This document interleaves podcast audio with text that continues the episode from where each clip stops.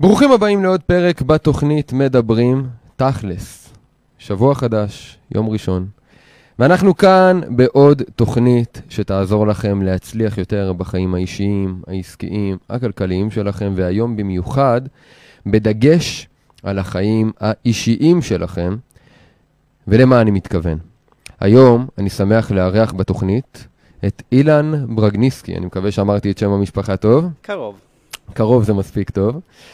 אילן הוא קודם כל אה, ספורטאי תחרותי שעוד מעט אגיד לכם ככה איך הוא החליט לסיים את הקריירה שלו, פרש ממש לאחרונה, אבל לפני שהוא הגיע לעניין הזה של הפרישה, הוא עשה הרבה דברים גדולים, אה, הרבה דברים שהרבה ספורטאים מייחלים להם.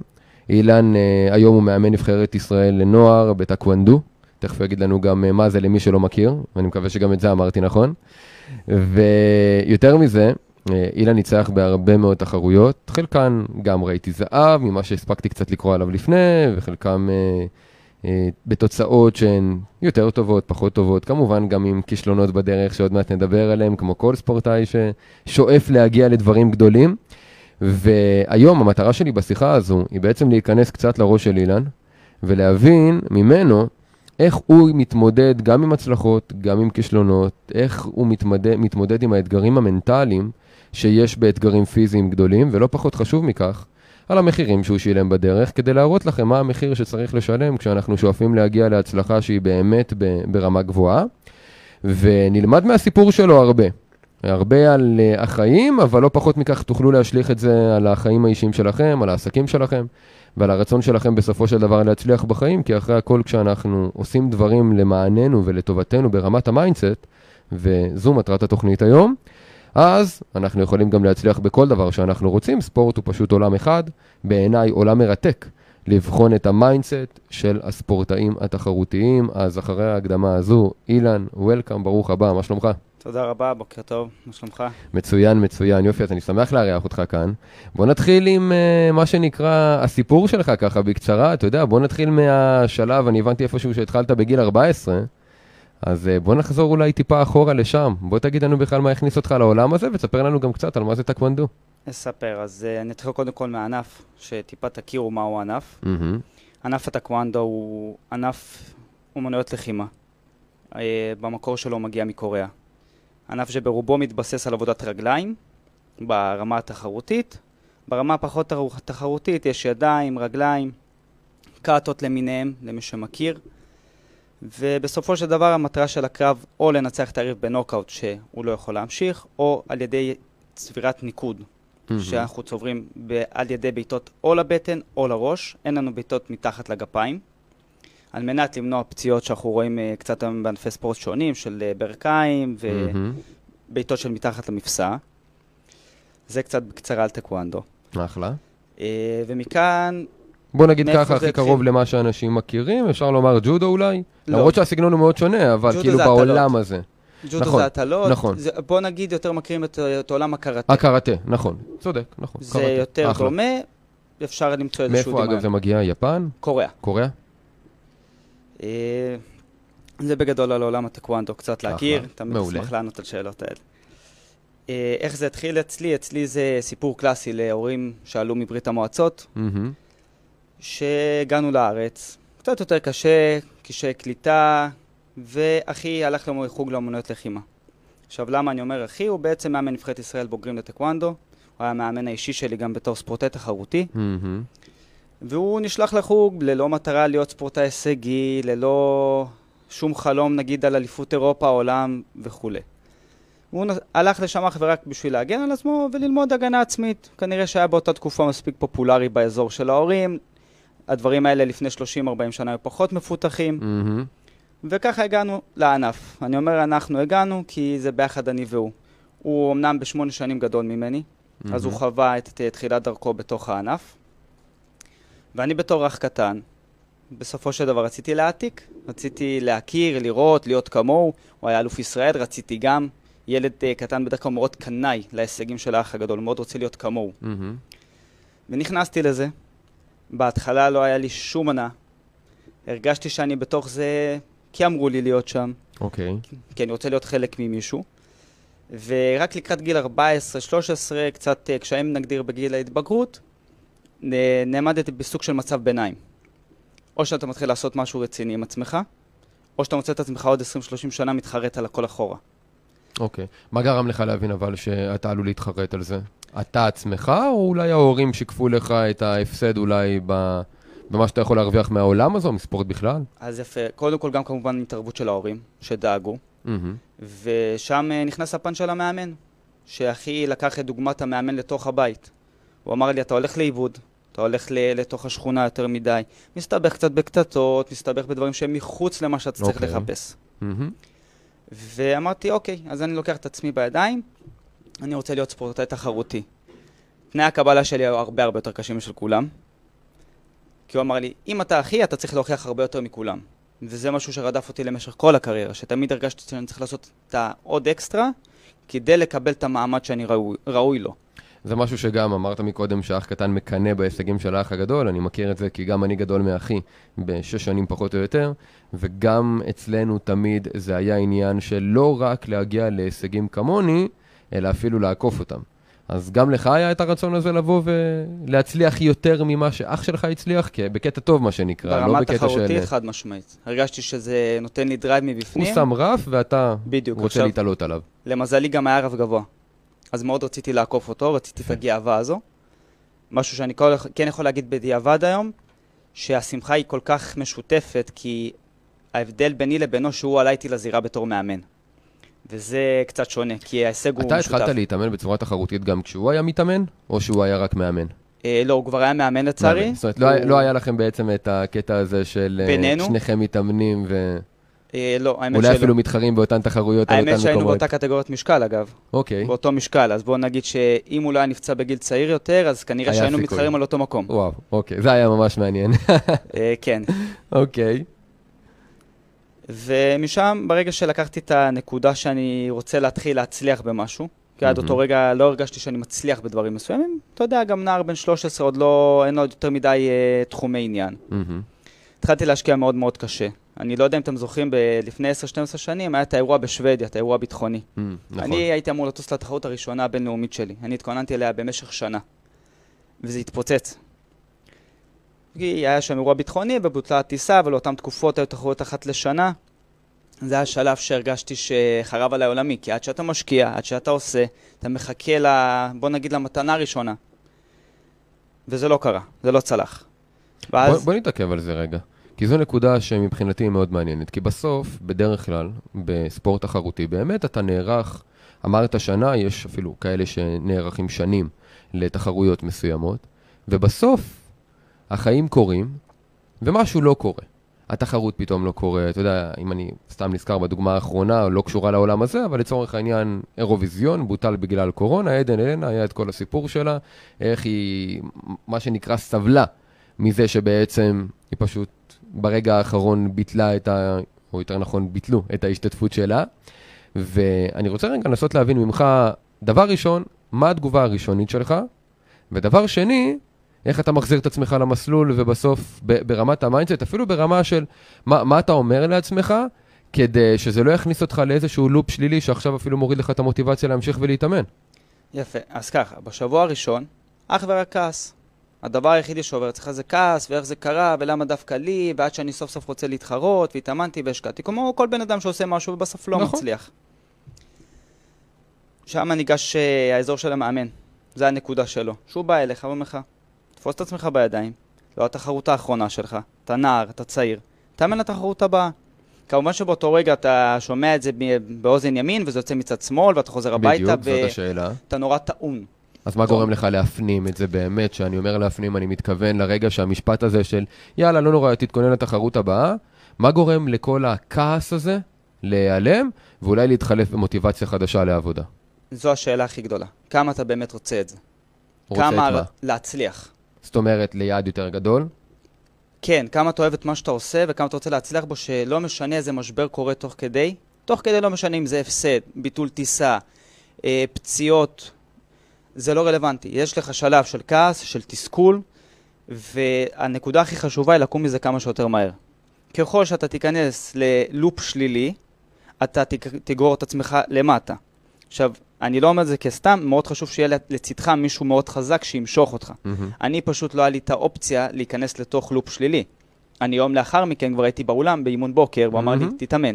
אז נכון, אתה יום יומיים שלושה בא קצת ממורמר, עושה קצת פרצופים, בדיוק. וזה נגמר. כי הראש שלך עסוק. במשהו אחר. יש פה כמה דברים מאוד מאוד חשובים שאמרת, ואני משליך את זה רגע ומחבר את זה בכלל לעולם ההתפתחות האישית. כי בעצם הדבר הראשון שאמרת זה, סבבה, בסדר, תכעס.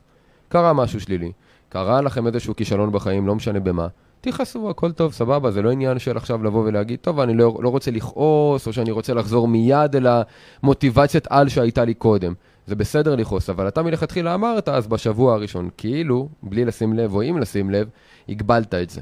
אמרת מראש, אני שמתי פה איזשהו דדליין, ולא רק שאמרת בשבוע, אלא עכשיו אמרת, מצאתי את עצמי יום למחרת באימון בוקר. וזה בעיניי הטיפ השני, לחזור לשגרה ואימה. זאת אומרת, לא לתת לעצמנו את הבמה אפילו להתמרמר, אלא פשוט לחזור לשגרת האימונים שתחזיר אותנו למומנטום הקיים ולאט לאט גם תשכיח את הכאב ההוא וגם תכוון אותנו ליעד גדול יותר, וזה הדבר השלישי שאמרת, שהוא חשוב לא פחות ובעיניי אולי אפילו יותר חשוב מהכל, זה הלמה. הלמה אתה עושה את כל הדברים האלה מלכתחילה. זאת אומרת, בסוף, אם יש לך למה מספיק חזק, איך אמר ניטשה, כל איך אפשרי, בסופו של דבר מי שיש לו למה מספיק חזק יוכל לשאת כל איך, וברגע שהלמה שלך הוא באמת חזק, אז אתה יכול להתקדם ליעד הבא. אז אני רוצה רגע להיכנס פה לעומק. מה, מה הלמה שלך? הלמה שלי, אני, אנחנו נחזור להתחלה. א', הרצון להצליח ולעקוף את אחי גם, זאת כחלק אומרת, מהם. הרצון לעקוף את אחיך. קודם כל זה היה שם בפרונט. זה לא היה הוא על היה הדרך. חלק מ... הרצון הכי גדול לא היה להוכיח משהו לעצמי. כשאתה... מה רצית גם- להוכיח? אני רציתי להוכיח לכולם, שכשאתה מגיע מאזור קצת פחות טוב בחיים, אוקיי. וכשלא תמיד הצלחת בכל דבר שאתה עושה, גם, אה, אני לא מתבייש להגיד, הגענו מאזור מגורים יותר מהמם. קשה, אז ההצלחה היא תמיד הייתה משהו שהוא בגדר אה, חלום. אף אחד לא באמת ציפה שתצליח. אז אתה רוצה מאוד להוכיח לך, לסביבה, לחברים. גם, עוד פעם, כשאתה נכנס למשהו ואתה באמת אוהב אותו מבפנים, ברמת ה... שאתה לא יכול בלי זה, אז זה מה ש... זה החלום שלך, אז אתה מוכן לוותר על הכל. ולתוך זה נכנסים גם דברים שאתה מקריב תוך כדי הדרך, טוב, וכמובן אז זה תכף בפני ניכנס עצמו. לזה, זה בוודאי, זה חתיכת נושא העניין של ההקרבה, מכיר את זה מקרוב. הנקודה היא שלפני שאני רוצה שנמשיך לעניין המחיר, זה, קודם כל אתה אמרת שיש את עניין ההוכחה. אני רוצה רק להגיד במאמר מוסגר לכל המאזינים והצופים, שיש הרבה אנשים בעולם ההתפתחות האישית שדווקא סולדים מלהניע את עצמכם ככוח ממקום של להוכיח לאנשים אחרים. אני חושב שזה שטות מוחלטת, אני חושב שזה לא משנה מה מניע אתכם, כל עוד זה מניע אתכם בכיוון חיובי, כי מה שחשוב זה הכיוון שאנחנו הולכים אליו, אז אם אני רוצה להוכיח לאנשים אחרים, מה אכפת לי שהפוקוס הוא על אנשים אחרים, כל עוד זה דוחף אותי להתקדם ולהצטיין. אז זה כאמירה, מסגר אותה, כי פשוט הרבה אנשים יוצאים נגד זה, בעיניי זה שטות מוחלטת, זה לא משנה. עוד דבר חשוב, הנקודה של המחיר, שאמרת שאתה שילמת, ובוא נדבר טיפה על העניין הזה. כי להיות ספורטאי תחרותי זה אומר להקריב הרבה מאוד. אולי כל מי ששמע מדי פעם איזה רעיון עם איזה ספורטאי כזה או אחר, שמע תמיד על המחירים האלה שמשלמים. אבל בוא נפרוט את זה, ילד בן 14, גילי התבגרות, יאללה, בילויים, חברות וכל הדברים האלו, אז מה, איך החיים שלך נראים אחרת? על מה אתה ויתרת? אני אפילו אגיד את זה ככה, בגיל 14 זה עוד קל. כי בסופו של דבר אנחנו עדיין נערים, שאנחנו נכון. צריכים לתת דין וחשבון להורים. זה קצת שונה אפילו מגילאי 18. אתה מתחיל בגיל 14, אתה מרגיש את זה קצת פחות חזק. כי ההורים איכשהו מצליחים לספר לך איזשהו סיפור מאוד מעניין. גם המאמן שלך עובד על זה מאוד נכון. הוא אומר לך, בסדר, אז הם הלכו לשחק כדורגל, אנחנו... אל תדאג, אנחנו נעשה יום גיבוש כדורגל בים. אז אתה כולך מחכה ליום כדורגל. בגלגול הבא. בדיוק. עכשיו, ברור שלאט לאט אתה מבקר, כי מוותר. קודם כל יש לנו משהו שנקרא בענף קטגוריית משקל. ברור. זה אומר שאנחנו צריכים להגיע לקטגוריית נכון. משקל מסוימת, בין אם זה לשמור תזונה, בין אם להוריד טיפה את המשקל. כמובן שזה נעשה באחריות, אבל עדיין, זה לא, תמיד, זה לא נעים בגיל 14 שכולם הולכים לקפיטריה ואתה אוכל סלט. עכשיו, לא רק העניין הזה, אתה יודע, הרבה אנשים לא מסתכלים על זה, אבל אני שמעתי הרבה באדי בילדרים, שבכלל שם, אתה יודע, התזונה היא סופר קריטית, מעבר לאימונים. בשבילם, האכילה היא מאוד טכנית. זאת אומרת, בעיניי יש פה גם מחיר שאתה משלם על, והמחיר הזה הוא תשוקה לאוכל או אהבה לאוכל. זאת אומרת, אתה לא אוכל בשביל הטעם או לא. בשביל ההנאה, אתה אוכל כי צריך. טעים לך, לא טעים לך, בא לך, לא בא לך, המחיר שאתה משלם הוא, תאכל, זה מה יש, זה ליד, לא מעניין אותי עכשיו מה אתה אוהב או לא אוהב. ברור, אין פה משא ומתן. יש לך וזה תזונאי. לחיות ככה שנים, צריך להבין את זה. זה לא משהו שעכשיו אתה, אתה יודע, דיאטה של שבוע, שבועיים, חודש, חודשיים, שנה, שנתיים, זה אורח חיים. זה לאכול כמו מכונה פשוט. אין לך ברירה, כי זה חלק מההקרבה, כי אתה יודע שזה עוד צעד לטובת החלום שלך. אם תוותר עליו, או לא תעשה אותו, יכול גם להיות... שינה, אגב, אותו הדבר. אני בטוח שגם ישנת לפחות בטח איזה 7-8 שעות, אם לא יותר אפילו. כן, כי אחרת הגוף לא מחזיק מעמד. בדיוק. ברור שיש פקשושים, כן? זה שאני לא רוצה שאנשים יחשבו גם שהכל מושלם ותמיד. אפשר לעמוד בהכל. אה, אבל מה שזה אומר, זה שגם אם אתה קם לאימונים מוקדם בבוקר, זה אומר גם ללכת לישון מוקדם גם כשלא בא לך. זאת אומרת, אם אתה ישן סתם 8 שעות ואתה רוצה לקום לאימון ב-5 בבוקר, זה אומר שאתה צריך ללכת לישון באיפשהו 9 בערב, כבר מה שנקרא להיות בחלום השביעי. כן, פעמיים בשבוע ריצה בשש בבוקר, אחרי זה אימון זה פחות אה, כיף. אף אחד לא יכול להגיד שזה תמיד כיף. מהמם. לפעמים אתה קם עם יותר מוטיבציה, לפעמים קצת פחות, אבל מה זה זה אומר ברמת מה- שגרת האימונים? כמה זמן זה אומר להתאמן ביום לצורך העניין? כי הרי ימי מנוחה תכלס כאילו לא באמת יש. גם, לא- גם הם- ביום מנוחה אתה מפוקס על מה שאתה עושה. היום היחידי שאנחנו נחים קודם כל הוא יום שבת. מהמם. מעבר לכך אנחנו מתאמנים כל יום בין שניים לשלושה אימונים. זה מתחלק כמובן לפי תוכנית האימונים, לפי העומסים שלפני התחרות, אחרי התחרות. מהמם. אני כן מה יכול זה להגיד... אומר אבל ברמת שעות אימון ביום? על כל ההכנות שלפני, אחרי, בעצם כמה יום, כמה מהיום זה לוקח לך בפועל? אה, זה מאוד תלוי לא- לאיזה גיל מדובר, בין אם נערים לבין אם בוגרים. אם אנחנו מדברים על נערים, זה לוקח לך קצת פחות, כי יש לך בית ספר בשעות היום, Mhm. ואז אתה צריך לנסוע לאימון, יש לך אימון אחד נכון. של שעה וחצי, אבל בוא שעתיים. נגיד בוגרים שבאמת הפכו את זה לקריירה. בדיוק. קודם כל, אני הייתי חי בתוך מתחם, ברמלה, ששם נמצאת נבחרת ישראל בטקוונדו. אוקיי, מה זה אומר חי בתוך מתחם? זאת אומרת שיש לנו שם אולם טקוונדו, שבנו לנו חדרים, כן. והייתי ישן שם, זאת אומרת זה פנימייה. פנימייה. אקדמיה, פנימייה. כן, אני מנסה להבין את התנאים. זאת אומרת, במילים פשוטות, אתה אומר, בוא לסביבה חדשה, שכל מה שהיא משרתת זה פשוט לתת לך את כל מה שאתה צריך ואת הסביבה הנכונה כדי להגיע ליעדים שלך, ואם אתה צריך ללמוד, אז תלמד שם, אם אתה צריך לישון, אז תישן שם. העיקר שהכל יהיה סביב זה. כן, אתה בעצם צריך להיות כל כולך בתוך, בתוך הענף. העזרה שכמובן אנחנו מקבלים שם עזרה, שיש לך איפה ברור, לישון, ואתה. יודע, בכל זאת יש לך מה לאכול, אתה עושה את ההשלמות הקטנות שלך, מהמם. אבל ברגע שאתה עובר לשם, אתה פשוט בתוך אקדמיה שהיא סגורה, שאתה בעצם קם בבוקר מתאמן, אוכל, מתאמן, אוכל, פשוט באותה רוטינה בלתי פוסקת, שאני חושב שרק ככה אפשר לקדם למצוינות ברמות הגבוהות. זה בדיוק העניין. אני חושב שזה עוד מפתח להצלחה. אני תמיד אומר שאם הייתי צריך להגיד משפט אחד בעולם ההתפתחות האישית, הייתי אומר, תשנו את הסביבה, תשנו את החיים. הכי פשוט שיש. כי הסביבה שלנו היא המורה המשמעותי ביותר למי שאנחנו רוצים להיות. כשאנחנו נמצאים בסביבה שמעצבת את השגרה שלנו בהתאם ליעדים שאנחנו רוצים להשיג, ועם אנשים ששואפים כמונו לאותן המטרות, אז אנחנו מן הסתם נתקדם בקצב שהוא הרבה יותר מהיר, וגם אנחנו, יהיה לנו קל יותר, כי יהיה מלא מוטיבציה. זה בעיניי אחד הדברים הגדולים. אני לא ידעתי שממש חיים ממש בתנאי פנימייה, כשכל המטרה היא לטובת העניין הזה. זה כמו המתחם בווינגייט, אגב. נכון? לצורך העניין שיש המון ספורטאים, פשוט אה, אצלנו זה איפשהו התפקשש בדרך, אז אנחנו היינו בתוך המתחם מדהים. ברמלה. מדהים, מדהים. אז ש- הנה עוד הקרבה שהיא מאוד גדולה, שזה פשוט לחיות חיים שהם בדיוק. סביב זה. זה אבל התחיל בגיל יותר מאוחר, שאתה כן. הופך את זה לקריירה. ברור, נכון. זה קצת יותר קל ברגע שאתה מקבל את ההחלטה המלאה לזה שזהו, זה שלך.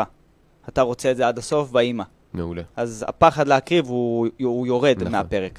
אתה גם פחות חשוף לדברים החיצוניים כשאתה בסביבה כזאת שכל העולם הוא סביב הטקוונדו.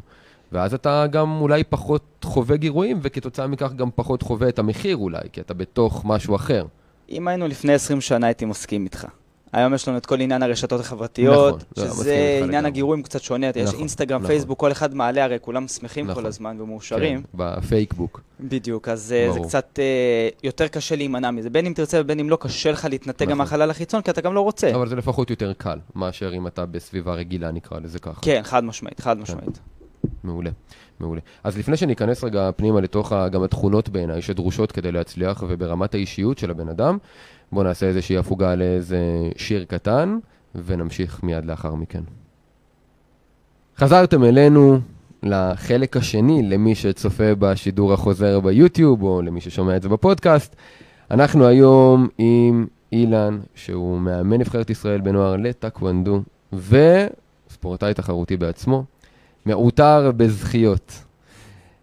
אנחנו דיברנו קודם על אומנם הרבה מאוד נושאים שקשורים כמובן כולם לעולם ההתפתחות האישית, דיברנו גם על העניין של המחיר שאנחנו משלמים כשאנחנו מציבים לעצמנו יעדים, גם על חשיבות הלמה שלנו בחתירה, גם על התמודדות עם כישלונות, לפחות נגענו, עוד ניגע בזה בהרחבה בהמשך.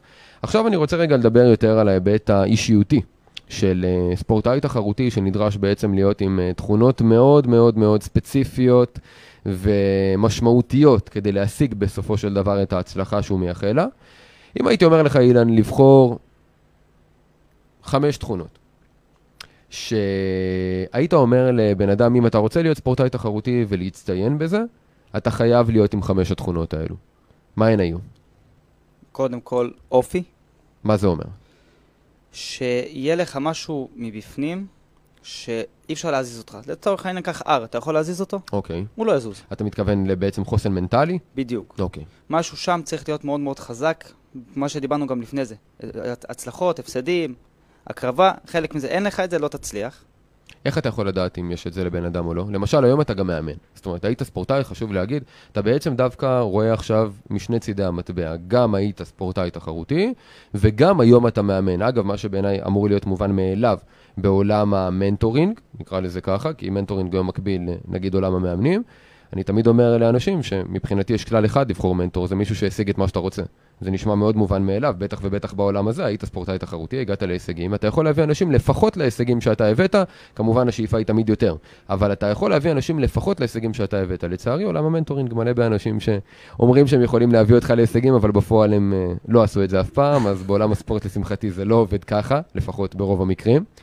וכשאתה אומר רגע, חוסן מנטלי, איך אתה כמאמן יכול לזהות את זה היום אצל ילד, נער, שבא ואומר לך, אני רוצה להביא מדליה, אני רוצה ללכת, לא יודע, לאולימפיאדה. איך אתה יכול לדעת אם לפחות, ברור שאין לו את זה ברמת הפיתוח שצריך, אבל אם יש לו את הבסיס לפתח את זה, איך אתה יכול לזהות את זה? זה יישמע נורא קלישאתי. יש משהו שאתה מסתכל לספורטאי בעיניים, ואתה יודע שיש לו את זה. אתה מכניס אותו לזירה, אין לו את הפחד, אין לו את הבריחה, הוא לא מחפש להימנע מהקרב. הוא לא אכפת לו שהוא מפסיד, לא אכפת לו שהוא חוטף, הוא, הוא יחתור למגע. הוא ירצה לנצח בכל דרך שהיא. כשאתה רואה את זה אצל ילד בגילאים הצעירים, ומספיק שיש לו אפילו מעט, ועלו מעט פוטנציאל, קצת. אתה יודע שיש לו את האופי המתאים להיות שם, כלומר הוא יכול להיות הבא. במילים פשוטות, אם אמרת קלישאה, זה אומר לא לוותר, סטייל רוקי לצורך העניין. אתה גמור, אתה נוטף דם, אבל אתה ממשיך להילחם ואתה רוצה לנצח בכל מחיר. אה, כן, גם אצלנו יש את האפשרות, כמו שאמרת רוקי, גם אצלנו בטקוונדו. אתה יכול להיות בפיגור, אתה יכול להיות ב- ביום הכי פחות טוב שלך. מספיק בעיטה אחת, מספיק חזקה, ונגמר הקרב. מה שחשוב זה להישאר בפוקוס שבעצם אומר, זה, זה לא נגמר עד שזה נגמר. זאת אומרת, להיות תמיד בעניין הזה של גם אם אני מפגר בנקודות, גם אם אני עשיתי עבודה גרועה עד עכשיו, אני שוכח את מה שהיה עד לפני רגע, ואני פשוט נותן את הכי טוב שלי גם עכשיו.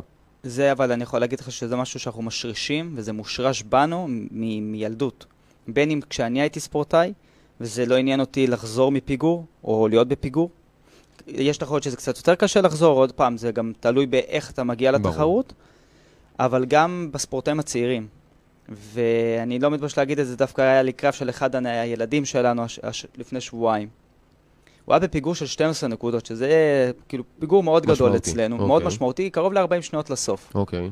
אפילו אני איפשהו עמוק בפנים, כשהסתכלתי מהצד, אמרתי, וואו, איך הוא יחזור לקרב. והוא ניצח את הקרב. וואו. אז... אז זה ממש נשמע גם שזה באמת אה, כזה... זה אפשרי. אה, אה, אפשרי ממש, כאילו, גם ברגע האחרון באמת, לא כקלישאה, זאת אומרת, לא תן סתם את הכל עד הרגע האחרון, אלא באמת זה יכול להתהפך, נשמע ככה. כן, חד משמעית. אני יכול לתת אין ספור דוגמאות גם על עצמי באופן אישי וגם על uh, ספורטאים שראיתי. זה לא קלישה, זה אתה קיים. אתה זוכר איזשהו אירוע מיוחד שככה חקוק לך בזיכרון, שאתה היית באולי פיגור כזה באמת משמעותי, וידעת שזה יכול להתהפך, אבל אולי אפילו היית קרוב ללא להאמין? אתה זוכר אירוע כזה? כן. אתה זוכר גם מה אמרת לעצמך באותם רגעים שאולי השאירו אותך מפוקס ועדיין גרמו לך לתת הכל? כן, ממש מה אמרת לעצמך ב- ב- במחשבה. מה המילים שאתה דיברת לעצמך, שהשאירו אותך והחזיקו אותך להמשיך לתת 100%? Uh, אה, אני אגיד את זה בצורה הזו. זה היה באליפות אירופה, שזכיתי אגב. הייתי בקרב על המדליה, נכנסתי ללחץ פנימי לפני הקרב. ספורטאי חזק, פחדתי שאתה יודע, תברח לך המדליה, זה קרב על המדליה, זה חשוב. אני עולה לקרב, והכל מתפקשש פשוט מההתחלה.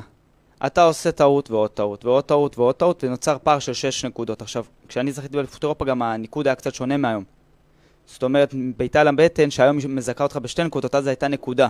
הבנתי. אז זה קצת עוד אחרת. יותר מאתגר. ונכנסנו לסיבוב האחרון, אה, בדיוק אה, נפל לי המגן רגל, אז באתי לקשור אותו. והכל חולף לך באותו רגע, כל מה שעשית עד עכשיו בתוך כל ההקרבה, כל מה שעשית, כל מה שנתת, עובר עליך. אני מפסיד את זה, אני מאבד את זה. אוקיי, זאת אומרת, המילים הראשונות שצצות במוח זה כמובן העניין שלא, כי אני הולך להפסיד.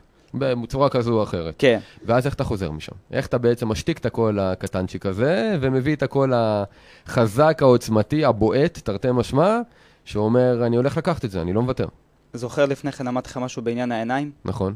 הסתכלתי למאמן שלי, בעיניים. הסתכלתי אם הוא מאמין שזה אפשרי. אוקיי. הוא מסתכל עליי באמונה מלאה, הוא אומר לי, תחזור לקרב, נצח את זה. אמרתי, זהו, אני חוזר. כאילו, כל מה שעד עכשיו נאמר, הוא פשוט נשרף ברגע, כי מספיק שאתה מאמין במאמן שלך ובסביבה שלך מספיק חזק, אז התוצאה תגיע. אתה לא תפחד ממנה. זה כמאמר הקלישה, כל מה שילד צריך זה מבוגר אחד שיאמין בו, בדיוק. ואני חושב שאתה, כי, אתה יודע, בעצם אני ציפיתי לשמוע תשובה שהיא היא שגרתית יותר, שאומרת בעצם, שאבתי את הכוח מבפנים, ממני. רוב הספורטאים בדרך כלל אומרים תשובה כזו. הם נזכרים באיזה משהו חיובי שהיה להם, הם אה, משננים מנטרות שהם חזרו עליהן קודם, דיברת מקודם על ההכנה, תכף ניכנס גם אליה, כי גם הכנה מנטלית יש. אבל בעצם אתה אומר, אני דווקא את הכוח שלי שאבתי מהמבט של המאמן, שרק היה צריך להגיד לי, יש עוד סיכוי. כן, חד משמעית. אבל uh, עוד פעם, אני חד משמעית אומר שזה גם הקשר המאוד קרוב שלי ושל המאמן. לגמרי. ושוב, כשמישהו נותן לך את התחושת ביטחון כשקשה לך, וכשמאמינים בך גם כשקשה, ואתה רואה לפעמים מאמנים שמסתכלים על ספורטאים מאוכזבים וכבר יושבים, בדיוק. מתוסכלים, זה רק מכניס את רק הספורט האלה נתן לי לעוד את ה- יותר גדול. בדיוק, הוא הכניס אותי לדרייב, שקודם כל התוצאה נמחקה מבחינתי באותו רגע. לא ראיתי לוח תוצאות, ראיתי זמן, ומה כמות הבעיטות שאני יכול להוציא בזמן הזה על מנת לנצח. מעולה. וזהו, וככה זה קרה, זה פשוט, הקרב התחיל להיכנס והשתנה המומנטום, כי הכל אצלנו זה עניין של מומנטום, ופשוט התחלתי לייצר לחץ בלתי פוסק עליו עד שניצחתי את הקרב. להגיד בדיעבד איך זה קרה, אני לא יודע, זה פשוט ברור, משהו פנימי ברור. שבהר מבפנים ויצא מהמם. קדימה. שזה מדהים בפני עצמו. אמרת פה כל כך הרבה דברים שהם נכונים וקשורים לעולם ההתפתחות האישית, ואני שמח שאתה אומר את הדברים האלו, כי אלה דברים שבשוטף אני מפמפם לאנשים, וחשוב לי שהם יראו באמת למה אני עושה את ההקבלה הזו, בין עולם הספורט ל- לעולם החיים האמיתיים נקרא לזה, כי הדברים הם פשוט אותו הדבר, אז כאן זה להשיג מדליה, בחיים זה להשיג את היעדים שלך, יהיו אשר יהיו. אז זה ממש ממש מעולה שאתה אומר את הדברים האלה, וממש ממש חשוב לשמוע. כשדיברת כאן על, מקודם על הכנה, אמרת שזה לא רק הקרב עצמו, אלא גם יש את ההכנה שאתה עושה לפני. למה התכוונת? מעבר להכנה הפיזית, יותר ברמה המנטלית מעניין אותי. אתה צריך לבנות לעצמך איזשהו עולם דמיוני של החלומות שלך. תסביר. זאת אומרת, אני, היה לי מטרה מאוד ברורה שחלמתי עליה מילדות, אני רוצה להיות אלוף אולימפי. זו המטרה של כל ספורטאי בענף האולימפי, שזה מה שהוא רוצה. מהמם. כשאתה רוצה להגיע לשם, יש לך איזושהי דרך מסוימת שאתה צריך לעבור אותה. אתה לא יכול לקום בבוקר ולא יודע, אה, היום אני רוצה להיות אלוף אולימפי, אוי, אני אלוף אולימפי. זה לא. קורה לצערי. זה לא קיים. אז יש לך איזושהי דרך שאתה רוצה לעבור אותה. עכשיו, זה דרך שאתה צריך ביחד עם המאמן שלך, ביחד עם הסביבה שלך. זה אומר שאפילו החברים שלך צריכים להפנים שזו הקריירה שלך והם צריכים. לתמוך בך, ההורים, כל המעטפת. או שהם לא מפנימים, והם בעצם מפסיקים להיות החברים שלך. כן, גם זה קורה, וגם נכון. uh, אני יכול לה, להגיד באופן uh, ברור שגם יש הורים שפחות לפעמים תומכים. ברור. אני לא היה לי את המקרה הזה, אני יכול להגיד חד משמעית. אבל uh, אתה פשוט צריך תחושת ביטחון מהמועדון שלך, שיש לך מישהו שהולך איתך יד ביד, שיש לך מאמן שמאמין ביכולות שלך, שאתה מאמין בהם, וברגע שאתה והמאמן והמערכת ביחד מאמינים ומשדרים על אותו גל, הסיכוי שלך להצלחה גובר לדעתי ב-30-40 אחוז. לגמרי. זה בטוח אני יכול הייתי להגיד. מעריך אפילו יותר לגמרי, זה סביבה, סביבה ועוד פעם סביבה, דיברנו על זה בחלק הקודם, מי שלא ראה תחזרו. בכל מקרה, סביבה היא לגמרי המפתח, כמובן לא היחיד, יש פה גם את המתאמן עצמו, אבל בטח ובטח שהיא ממנפת ומקדמת ומעצימה, וזה מעולה. האם יש בהכנה שלך איזושהי נקודה שבה אתם אולי אפילו ברמה של סימולציה, עובדים על, ב mindset, ברמה המנטלית, על מה קורה כשאתה נמצא בסיטואציות הקשות האלה בקרב, ברמה שפתאום אתה מרגיש שזה אבוד, ברמה שפתאום אתה איבדת את המומנטום. זאת אומרת, האם אתה נערך לסיטואציות כאלה מראש, גם אם זה רק מנטלית ובדמיון? אה, קצת פחות. אתה מנסה לא להגיע למקום הזה. זאת אתה אומרת, אתה לא חושב על זה בקטע שלא להוריד אותך, אבל לא כדאי אולי כן להערך, כי אתה יודע, סך הכל יש היום בעולם גם מה שנקרא מאמנים מנטליים, כן. בעולם הספורט. זה מה שהם עושים. זאת אומרת, הם די, מצד אחד, לא רק כמובן, אבל גם עובדים איתך על מה לעשות ברגע שאתה מאבד את זה. כדי שכשזה יקרה באמת, אז יהיה לך קל יותר לחזור לזה. אז יפה. כשעברתי למתחמים, בוא נגיד האולימפיים, שהיינו חיים שם, אז גם היה פסיכולוג ספורט שנכנס. איתנו לדברים האלה. אני כן יכול להגיד שאני לפעמים הייתי מאוד uh, נרתם מזה. כי אני הייתי מנסה להיות ספורטאי מאוד uh, נקי. הייתי מנסה להיות נטול מחשבות שליליות. אוקיי. בגלל מה שאמרת מקודם, שיש לך כל הזמן, הסביבה זה קשה, האוכל זה קשה, זה, זה נכון. קשה. יש לך הרבה דברים שהם uh, מקשים עליך את חיי מהמם. היום-יום שלך, ברגע שזה נכנס לסוג של uh, הרגל, אז זה פחות קשה לך. אז אתה מנסה לנטרל דברים שליליים, ולהיכנס לדברים היותר חיוביים שלך. אני הולך להגיע לתחרות הזאת. גם אם אני בפיגור, אני לא מתייחס לזה כאילו התוצאה היא שוויון. אתה מסתכל בעיקר איך אתה בא לנצח, מאשר להיכנס מלכתחילה לאיך אני הולך להפסיד. מהמם. אתה רוצה את הניצחון יותר מאת ההפסד. ברור. אז זה, זה, מדהים בפני עצמו. בעצם אתה אומר, אני פשוט מדבר על עצמי כל הזמן בצורה חיובית, ומנסה פשוט להתעלם מהשלילי ככל שאפשר. זה השורה התחתונה. במקום לה, להתכונן לשלילי, פשוט להתעלם ממנו. זה לפחות מה שעבד לך. כן, עוד פעם, זה שוב, כמובן שזה אינדיבידואלי, זה בין ברור. ספורטאי לספורטאי, לאדם ברור, לאדם זה שונה. נכון. אני יכול להגיד שהייתי מנסה להיות ספורטאי חיובי, לא לס- להסתכל על מה מעולה. שפחות טוב, עכשיו אני הולך להפסיד או אני אנצח. אני הולך לנצח. מה יהיה. באמצע? ננצח. פנטסטי, פנטסטי. אמרת אגב עוד נקודה, שהיא מבחינתי לא פחות חשובה, אמרת את זה כבדרך אגב, אבל זה מאוד חשוב. אמרת בעצם, כשחזרת אז ממה שדיברנו על העניין הזה של הפיגור נקרא לזה, ואז עכשיו אתה צריך להתרומם, אז אמרת, לא עניין אותי לוח התוצאות. ידעתי שעכשיו אני פשוט ממוקד בלעשות את הכי טוב שאני יכול בזמן שנותר. וזו נקודה מאוד, מאוד חשובה. עכשיו, השאלה היא, תנסה רגע לתת תשובה לשאלה שאני יודע שהיא מאתגרת בדיעבד תמיד, אבל בכל זאת, לוח התוצאות מול העיניים. אתה יודע שזה לא באמת מתחיל מאפס. איך אתה בכל זאת מצליח להתעלם מהתוצאה הקיימת ולהגיד, לא אכפת לי מבחינתי, זה מתחיל מחדש, ועכשיו אני נותן את המאה אחוז שלי. הרי העובדה היא שלא. איך בכל זאת אתה מצליח לנתק את ה... את ה ליצור את ההפרדה הזו בין המאמץ לבין התוצאה? אני אגיד אה, עוד פעם, שוב, זה כל אחד בדרך שלו. א', פשוט אמרתי מאותו רגע, אני לא מסתכל על הלוח. ממש כמו ילד קטן, לא מסתכל על הלוח, מהמם. הוא מבחינתי לא קיים. דבר שני, אתה פשוט לא מתייחס לסביבה, בכלל לצעקות, לרעש, לכל מה שקורה מסביב. אתה אומר, אני עכשיו יש לי איקס עבודה לעשות. ה-X עבודה הזאתי, אני אצליח, אני אצליח, אני לא אצליח, אני לא אצליח. ככל שאתה פחות חושב על זה שאתה בפיגור, אתה מתעסק ב- במה שחשוב באמת. זאת אומרת, פחות מעניין אותי להצליח, לא להצליח, מה שמעניין אותי עכשיו זה לתת את המקסימום שאני יכול. כן, אתה, זה מנ... הכל. אתה מנתק את הרגש. הרי אם עכשיו תיכנס לעניין התוצאה ותפסיד, אז הפסדת. אם ניסית והפסדת, אז עדיין הפסדת. מהמם. או שננסה לנצח. יש לך בסוף שתי אפשרויות, או ניצחון או הפסד. אין לנו. אפילו עניין של תיקו. מדהים, מדהים, מדהים.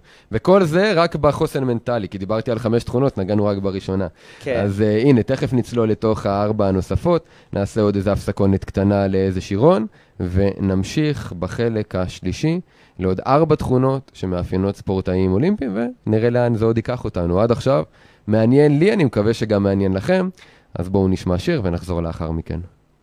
חזרתם אלינו לחלק השלישי. היום אנחנו עם אילן, מאמן נבחרת ישראל לנוער בטקוונדו. אנחנו מדברים על דברים מאוד מעניינים. בעיניי דברים שהם קריטיים לעולם ההתפתחות האישית ולהצלחה בחיים, בעסקים בכלל. מקודם, בחלק הקודם, אם לא ראיתם, לכו לשידור החוזר. אז דיברנו על, התחלנו לפחות לדבר על חמש תכונות קריטיות להצלחה בכלל כספורטאי תחרותי, אבל אני קורא לזה בשביל להשיג כל מטרה שאפתנית שאתם מציבים לעצמכם. דיברנו על חוסן מנטלי והעמקנו בזה. עכשיו אני רוצה לצלול לארבע התכונות הנוספות שבעיני אילן הן הכרחיות להצלחה. אז יאללה אילן, שוט, תכונה שנייה. תכונה שנייה. הקרבה. ללא הקרבה דברים לא יקרו מעצמם. מהמם. זאת אומרת, הנכונות לשלם מחירים. כן, והם מגיעים, ואין סיכוי להימנע מהם, בין אם זה בפציעות, בין אם זה בחיי חברה, ובין אם זה בזוגיות, ובין אם זה כמעט בכל דבר. כל דבר נורמטיבי שאנחנו חושבים שהוא מובן מאליו, הוא מפסיק להיות מובן מאליו. מישהו אומר מובן מאליו, לנסוע לים, לשבת בים. לא קיים, מהמם. לא אפשרי. למה? אני יכול להישרף, אני יכול להיפצע, אלף ואחת סיבות. לגמרי. אז בלי הקרבה, אתה, אני חושב שזה כבר לכל תחום, מעבר לעניין התחרותי. בהחלט. מי שלא מקריב הוא לא מצליח, נקודה. לגמרי. וזה אני המאמין שלי, שאני לקחתי אותו מהמאמן שלי בסוף, וזה מה שאני משריש גם ב- בכל הדור הצעיר. איך אתה יכול לקחת ילד, ש... או נער, לא משנה, שהם מבינים לוגית מה המחירים שהם יידרשו לשלם, אבל אתה יודע, הם עוד לא שילמו אותם. איך אתה בעצם מצליח להעביר להם את המחירים שהולכים להיות בדרך, כדי שבאמת כשיגיעו המחירים, הם לא יישברו לך? דבר ראשון זה מה שאמרתי גם אה, מקודם בשיחה. אתה רואה את זה בעיניים של הילד. הרבה פעמים אתה רואה ילדים שהם אה, מחויבים למטרה והם מודעים אליה. זאת אומרת, כשהוא אומר לך, אני רוצה להיות, אה, לא יודע, נצח בתחרות כזו או אחרת, אתה, אתה שומע את זה בטון דיבור ואתה רואה את זה בעיניים, שהוא לא אומר את זה כעל הדרך, אלא בדיוק. זה החיים שלו. הוא מודע לה, לאחריות, הוא מודע למה שהוא צריך, ושוב, זה חוזר, אמרתי מאוד, אה, בצורה מאוד גדולה, זה מאוד חשוב למערכת שאתה מקבל. מהמם. כשהוא רואה מישהו שהוא היה ספורטאי בעצמו, או המאמן השני היה ספורטאי בעצמו, שאני ומרק עובדים בצורה כזו, אז הוא יודע את זה. הוא יודע שהוא בא למקום שזה לא אהלן אהלן, זה קשה. ויש הקרבות, ועוד פעם, בגלל שזה ענף עם מגע, זה מאוד מהר מבינים שיש הקרבות, כי יש פתאום מכות כואבות, מהמם. ונפיחויות, ופתאום אולי אפילו שבר שיכול לקרות, כי זה חלק מ... מהמם. וברגע שאתה רואה ילד שהוא לא נכנע לזה, אז זה מאוד מאוד חשוב. יש לנו עוד דבר שאני יכול להגיד, שאנחנו נותנים לספורטאים אחרי תחרויות לרשום מסקנות. מהמם. אתה יכול לראות לפי מסקנות ספורטאי שהוא שם, לגמרי. וספורטאי שהוא לא שם. לגמרי. אחד ירשום לך 17 תירוצים, ברור. ואחד ייכנס איתך לעומק העניין לדברים שאפילו אתה בתור מאמן, לא. בהכרח נכנסת אליהם. מה שנקרא, יש אחד שירשום 17 תירוצים ויש אחד שירשום אני. בדיוק, ובזה בזה זה נגמר. בדיוק. ובתשובות. שלו, אתה תבין איפה הוא נמצא בתוך הענף. מעולה, תענו. אז שתיים, נכונות לשלם מחירים. שלוש, ביטחון. ביטחון במה? בעצמי, במאמן, ב- ביכולת שלי, במה? או בהכל. בהכל יחד. אוקיי. שאם אין לך מאמן, אז אתה לא יכול להיות טוב. מהמם. אם אין לך איפה להתאמן, אז אתה לא תשתפר. מהמם. אם לא יהיה לך ביטחון משפחתי, שהמשפחה אפילו תתמוך בך אפילו במעט. בוא נגיד על ספורטאים צעירים, הוא צריך לצאת לחו"ל, נכון, או שההורים עוזרים. נכון. מה זה עוזרים? עוד תקציבים. פעם, בישראל נקודה. ברור, ספורטאים בגיל הצעיר, בדיוק. מסבסדים מימון טיסות עצמי, לבד. לגמרי. אם אין לך הורים, אני עכשיו יתום. מהמם. אז נכון. שוב אנחנו חוזרים לעניין המועדון שלך. נכון, נכון. אם אין לך את הביטחון, ה- ולו הקטן הזה, אתה לא תצליח. לגמרי. אתה תמיד אה, בסוף בוא נגיד ככה, גם כדי להיות, אה, לא יודע, הנגר הכי טוב בעולם, אתה בסוף צריך כלים, אתה צריך פטיש, אתה צריך מסור, ואם. לא יהיה לך פטיש ומסור, אתה יכול לדמיין כמה שאתה רוצה, בסוף פשוט אין לך איך להתאמן ולהשתפר ולקבל פידבק ממאמן שיבוא ויגיד לך, תעשה את זה ככה ולא ככה, והנה השתפרת, אז לגמרי. אז ביטחון הוא ללא ספק קריטי. ארבע, אה, זה מאוד אה, קרוב למה שאמרנו, אבל משמעת. Mm. זה לא נשמע, ציפיתי שזה לא יופיע ברשימה. זה קטן, אבל זה מאוד מאוד גדול. נכון. אם אין לך את המשמעת העצמית קודם כל, לפני הכל, ולדעת לפעמים גם להקשיב לאחר, אתה לא יכול להצליח. בוא נדבר עליך. יש ימים שאתה קם ואתה אומר, לא בא לי. לא בא לי, היום לא בא לי. לא בא לי להתאמן היום, לא בא לי לאכול את הזה, בא לי היום junk food, בא לי... מה, איך אתה מתמודד עם הרגע הזה של הלא בא לי? אתה נכנס לאולם. ושם כבר אין לאן לברוח, שם אין junk food, שם אין חברים, שם אין קניון, שם אין בילוי. אתה בתוך האולם. דבר, הכנסת את ומה עצמך אתה לס- עושה שאתה פשוט צריך לקום לאימון ו... לא בא לך לקום מהמיטה עכשיו. ואתה בפנימייה הזאת, מה שקראנו לה, במועדון. מה, מה אתה עושה כשאתה פשוט אומר, די, אין לי כוח, אני גמור. אתמול היה לי יום קשה, לא בא לי היום. וזה קורה המון. זה קורה לך בתור. ספורטאי, זה תוקף נכון, אותך, נכון. פתאום אתה יודע איזה פציעה, אולי אתה קצת נכון. עייף, אולי קצת מתוסכל. מה עוזר לך להגיד, בא לי, לא בא לי, קם ועושה. המטרה הסופית בסוף. זאת אומרת, אתה מה, ממש כאילו, במיטה כשאתה אומר לא בא לי, אתה פשוט נזכר במטרה הסופית? אתה שם לך איך זה תמונה- קורה טכנית, מה שנקרא? אתה שם לך תמונה מעל המיטה של טבעות אולימפיות. באמת. אני אתה יודע. פותח את העיניים, אתה כן, מסתכל, כן. ואתה אומר, אתה מכיר ממש למעלה, כשאתה שוכב, ממש למעלה, זו המטרה שלי. מה שנקרא לוח חזון בשפה ההתפתחותית, כן. אתה בעצם שם תמונה, אלמנט ויזואלי כלשהו, של היעד שאתה רוצה להשיג. ואז אתה פוקח את העיניים, זה כן. הדבר הראשון שאתה רואה, אתה הולך לישון, זה הדבר האחרון שאתה רואה.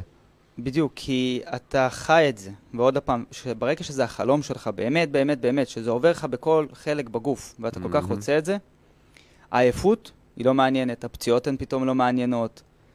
המטרה שלך היא כל כך גדולה, וגם כל השאר פשוט מתגמד לעומת זה. אתה נכון. באמת, לא, לא משנה לך מה קורה, אז אתה מרים את עצמך. אתה אתה פשוט דוחף את עצמך קדימה, ביום שהוא קצת פחות טוב, אתה יכול לקום בבוקר, ויותר מזה, אימון גרוע, מזעזע. יש לך עוד ארבע שעות נכון, אימון. נכון. הולך, חוזר לחדר, מתקלח, מסתכל עוד פעם על הטבעות, עוד פעם מזכיר לעצמך למה אתה שם, כי זה לפעמים זה בורח ממך, נכון, וחוזר לאותו, לאותו קו, עוד פעם. תענוג. ומה שיפה בסיפור שלך בכלל זה, אתה יודע, זה לא... יש בזה אלמנטים של סיפור סינדרלה, אבל האלמנט הכי חשוב כאילו חסר, כי מה, מה האלמנט הראשון? זה תחום שאתה מאוד אוהב, שיש לך תשוקה אליו, ואתה התחלת ממקום שאמרת, אני לא התחברתי לזה בהתחלה. לא. זאת אומרת, בהתחלה פשוט אתה אומר, כאילו, זרקו אותי כזה לעולם הזה, ופשוט לקח לי זמן עד שהתאהבתי בעולם הזה, ולקחתי אותו הכי רחוק שאני יכול. שזה מדהים בפני עצמו. כי בדרך כלל, אתה יודע, כאילו, תגיד לאנשים, טוב, אז לך לעבודה שאתה אולי לא מתחבר אליה, ו- ואולי תתחבר לזה תוך כדי. עכשיו, למה אני אומר בכוונה את הדוגמה הזו? כי אנשים לא יכולים לדעת מה הם אוהבים ומה הם לא אוהבים עד שהם לא מנסים. נכון. לפעמים מגיעים הרבה חבר'ה צעירים ואומרים לי, תגיד לי, איך אני יכול לדעת מה הקריירה הנכונה עבורי? ואז אני אומר לו, אין, אין לי מושג, אתה יכול על בסיס הכישרונות שלך ועל בסיס מה שאתה אוהב היום, לכוון טיפה יותר. אבל העצה הכי טובה שלי, ל... לא רק בן נוער, אלא לצורך העניין גם בחור מאוד צעיר, זה דבר ראשון, פשוט לך תתנסה בכמה שיותר דברים. עד שאתה לא מתנסה, אתה לא באמת יודע אם אתה אוהב את זה או לא. אז מה שאמרת זה רק הוכחה, והיא נדירה. זאת אני מכיר את רוב האנשים בעולם הזה, היא נדירה, שפשוט נכנסת לעולם שמתוך כורח נקרא לזה, ופשוט התאהבת בו וגם לקחת אותו הכי רחוק שאתה יכול, שזה מבחינתי מעביר מסר מאוד מאוד חזק לאנשים שקולטים אותו. גם, אבל אני לפעמים חושב גם שצריך טיפה אלמנט של מזל. באמת. אני חוויתי אכזבות בגיל, בתחרותי, בשנה הראשונה, שאתה עוד לא באמת מצפה לקחת משהו, מהמם.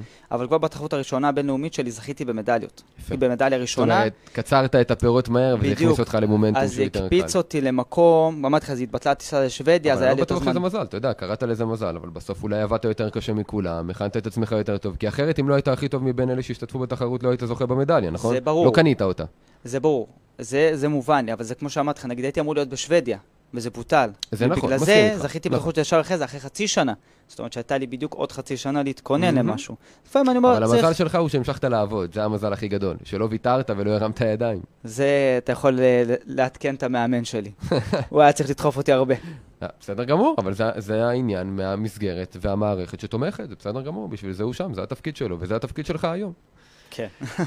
הגענו לחמש, אז מהי התכונה החמישית? מה התכונה החמישית? ננסה לחשוב על משהו... תנסה לחשוב אולי על ה... על ה אתה יודע, אלה דווקא שאתה רואה היום, באלה שאתה מאמן. מה אולי בהם, אתה אומר, הנה, זה למשל יצליח כי יש לו את זה. ניתוק רגש. אוקיי. נקודה שהיא סופר חשובה. מה, מה אתה מתכוון כשאתה אומר ניתוק רגש? כל אדם הוא רגיש. גם אם יש מישהו שמסתיר את זה וגם אם לא. אם כל אתה אדם מצ- פשוט מנהל את הרגשות שלו בדיוק. אחרת. עכשיו, אם אתה מצליח לנתק את הרגש שלך כשבנקודות הקשות, הטפלות, הרי אנחנו, אנחנו נורא מו- אמוציונליים. נכון. מגיבים כל הזמן מאמוציות. קרה לי ככה משהו לא טוב, אני עוזב. קרה לי משהו טוב, אני אלוף עולם. אם אבל זה נצליח... בדיוק מה- נכון מה שאמרת, אנחנו מגיבים. אנחנו לא חושבים ואז פועלים, אנחנו מגיבים. התגובה הזו היא אוטומטית. נכון. ולכן אנחנו גם צריכים להתנתק רגע מהתגובה האוטומטית הזו. הרי כשאתה רואה ספורטאי מפסיד, מה אתה רואה אותו קודם כל? בוכה. ברור, הוא לא יודע מה קרה שם בדרך ברור, באמת, נכון. אבל הוא קודם כל בוכה. נכון. עכשיו, אני חושב שברגע שאתה יודע לנתק את הרגש במקומות הקשים, ולקחת את הרגש במקומות הטובים, אתה רק מרוויח. כי כשרע, אם אני אגיד לך, תקשיב, זה אחלה, כסיסמה. איך עושים את זה תכלס? מה זה לנתק רגש? יש כפתור בגוף? מה זה לנתק רגש? איך אתה עושה את זה? איך אתה עוזר לאנשים לעשות את זה? אני אגיד לך את זה ככה, אני בתור ספורטאי, שאני יכול להגיד שכן זכיתי במדליות בינלאומיות, ולא אחת ולא שתיים. מהמם.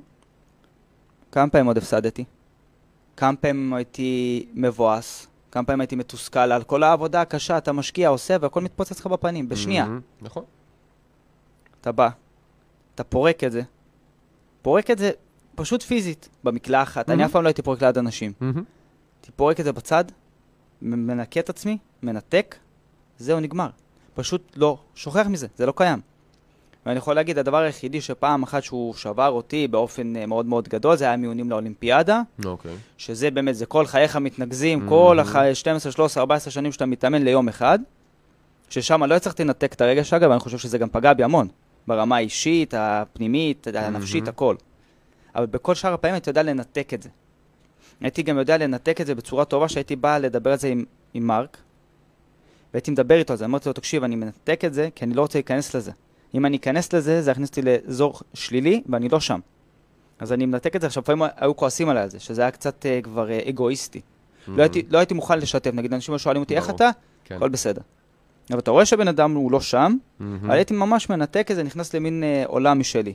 אני חושב שניתוק רגש הוא מאוד מאוד חשוב, אבל צריך לדעת לשחק עם זה. זאת אומרת, כן לדעת לגשת למאמן, למאמנת, לא משנה למי. לא להדחיק אותו, כן. אלא לנהל אותו נכון, ואם לא יודעים לעשות את זה לבד, אז להיעזר במסגרת שתומכת. אם אתה. מדחיק את זה, זה בעיה עתידית. ברור, בסוף זה זה יתפרץ, אין. ספק. ברור, ברור, מעולה, מעולה. יש לנו זמן לעוד שתי שאלות מהירות, אז uh, אחת היא טכנית ואחת פחות, אבל שאלה שמה שנקרא ברמת התוכן, נקנח איתה לסיום, היא כזו.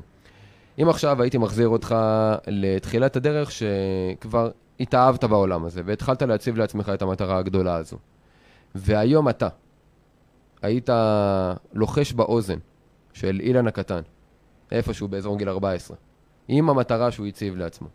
מה היה הדבר שהיית אומר לו, שהיה אולי עוזר לו להתגבר על כל המכשולים בדרך, להתמודד עם כל האתגרים בצורה שהיא טיפה יותר טובה. בין אם זה ברמה הטכנית, בין אם זה ברמה המנטלית. אם היית יכול ללחוש לאילן הקטן משהו שהיה אה, עוזר לו טיפה יותר ממה שאתה קיבלת, מה היית אומר לו? תנשום, הכל יהיה בסדר. באמת. אתה הלחץ לפעמים והכל זה מאוד uh, תוקף אותך. אם היה לי כזה, איך שאני מסתכל פתאום היום על הספורטאים, אומר לעצמי, אם הייתי יכול להכניס את זה לראש שלי, להכניס לראש, לא להקשיב. הרי כל המאמנים אומרים לך את אותו דבר. אם הייתי יכול להכניס את זה, כמו שאתה אומר לעצמי, הייתי אומר, תנשום, הכל יהיה בסדר, זה ולנשום יסתדר. זה תרתי משמע, כי מחקרים מראים שבאמת נשימות, לפחות בקונספט מסוים, למשל מה שידוע בתור קונספט ה-the box, שזה בעצם ארבע שניות שאיפה, ארבע שניות לעצור נשימה, ארבע שניות נשיפה, וארבע שניות לעצור את הנשימה שוב, לעשות את זה לשניים שלושה סייקלים, באמת מרגיע, באמת משחרר לנו את הכימיקלים הרעים, ומכניס לנו את הטובים, אז באמת התנשום זה תרתי משמע. זאת אומרת, ממש תנשום, הכל יהיה בסדר, וזה מדהים שבסוף כל האמירות האלה מתנקזות למשהו שהוא מאוד לכאורה פשוט, אבל רק מי שעובר את הדרך באמת יכול להבין כמה עוצמתית לפעמים, כמה האמירות האלה באמת לפעמים הן כל מה שצריך לשמוע. כי זה הדבר. הכי פשוט והכי חזק. יותר מהכל. לבוא ולהגיד אלף מושגים, לא נכון. ישנו את זה. זה מאוד מאוד פשוט. תנשום, תאמין בעצמך באמת, שאר הדברים כבר יסתדרו מעצמם. מחבר אותי לאחד הראיונות שאני הייתי המרואיין, ושאלו אותי שאלה דומה, ואז אני אמרתי פשוט, אם הייתי יכול להגיד, הייתי אומר לעצמי הקטן מילה אחת, תמשיך. זה הכל. וזה מאוד מתחבר לי, כי זה מזכיר לי את אותו הדבר בעצם. זאת אומרת, לא משנה מה, פשוט תמשיך, פשוט תעשה. יהיו עוד, נחש... יהיו עוד נפילות, עוד כישלונות, עוד אתגרים, זה לא משנה, פשוט תמשיך. ובדרך שלך. אז התנשום הכל יהיה בסדר, מזכיר לי את, אה, את אותו הדבר, כי בסוף זה אותו אלמנט של, של באמת פשוט תמשיך, והכל יהיה בסדר. ת, תמשיך להאמין, תמשיך לחתור למטרה, ו- וזה בסדר, באמת זה בסדר. כי זה בדיוק אותה נקודה, אתה פשוט ממשיך קדימה. נכון, מעולה, מעולה. אז אנחנו מגיעים לסיום, ולא נשאיר את הצופים והמאזינים שלנו בלי שאלה פשוטה של בוא נגיד ויש מישהו שכבר אולי עוסק בעולם הזה של טקוונדו, או לחילופין, שמע עכשיו את השיחה שלנו ופתאום אומר לעצמו, בואנה, נשמע שזה יכול להתאים לי. והוא רוצה להיכנס לעולם הזה, אולי באמת בשביל לפתח קריירה, ואולי אפילו בשביל עצמו, ברמה האישית, כדי דווקא להיות עם כל האישיות הזו לחיים האישיים והעסקיים שלו. זאת אומרת, להיות עם הרבה יותר ביטחון, לדעת לשלם מחירים, תכונות שבאמת משרתות אותנו גם בחיים האמיתיים. אם מישהו רוצה לתקשר איתך, אה, או ללמוד ממך, או להתאמן אצלך, איפה הוא מוצא אותך? אצלנו זה האמת, זה פשוט. יש לנו שם, אה, שם של המועדון שלנו, זה ספרטה אומנויות לחימה. אחלה, אחלה שם.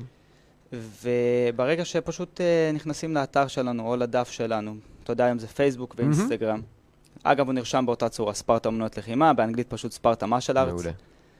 אה, וזהו, ואז הם פשוט יוצרים איתנו קשר. ואז אנחנו פשוט בונים להם את המעטפת הזאת של הביטחון, של הדרך, של להתמודד עם, גם עם משברים, גם עם הצלחות, שזה חלק מ... מתחילים, אני קורא לזה לבנות יסודות. לגמרי. אני מאמין בלבנות יסודות. לגמרי, לגמרי, לגמרי. זה באמת, אה, מבחינתי היה רעיון אה, מרתק ומדהים, וטוב תמיד להיכנס ככה למוח של מישהו שעשה את זה, ובאמת יודע על מה הוא מדבר.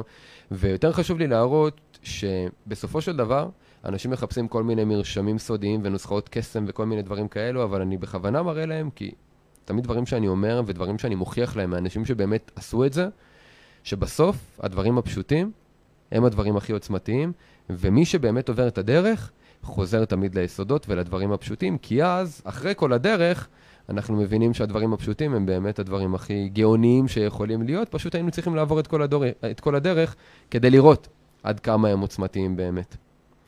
אז uh, משפט uh, סיום שלך, אילן? אה, אז קודם כל אני אגיד תודה רבה. בשמחה. על ההזמנה. בשמחה. ואני חייב לומר קודם כל שנורא נהניתי. זה הכי חשוב. ואפילו תוך כדי השיחה איתך ביחד למדתי המון דברים, אז uh, אני באמת מודה לך על זה ועל הזמן. מקווה שגם uh, עזרנו לכל מי שהקשיב. ש... למי שיישם, בטוח נעזור. זה בטוח. אה, וזהו, אני מקווה עד הפעם הבאה שאנחנו ניפגש. בשמחה, בשמחה, מעולה. אז תודה לאילן ותודה לכם, מאזינים וצופים שהייתם איתי בעוד פרק בתוכנית מדברים תכלס. כמו שאתם יודעים, אם אתם רוצים לקבל ממני עוד, אתם יכולים לחפש אותי בגוגל, ביוטיוב, בספוטיפיי, ובכל מקום אחר אנחנו נתראה כאן, כרגיל, בשבוע הבא, מדי יום ראשון, ב-10. יאללה, שיהיה לכם אחלה שבוע.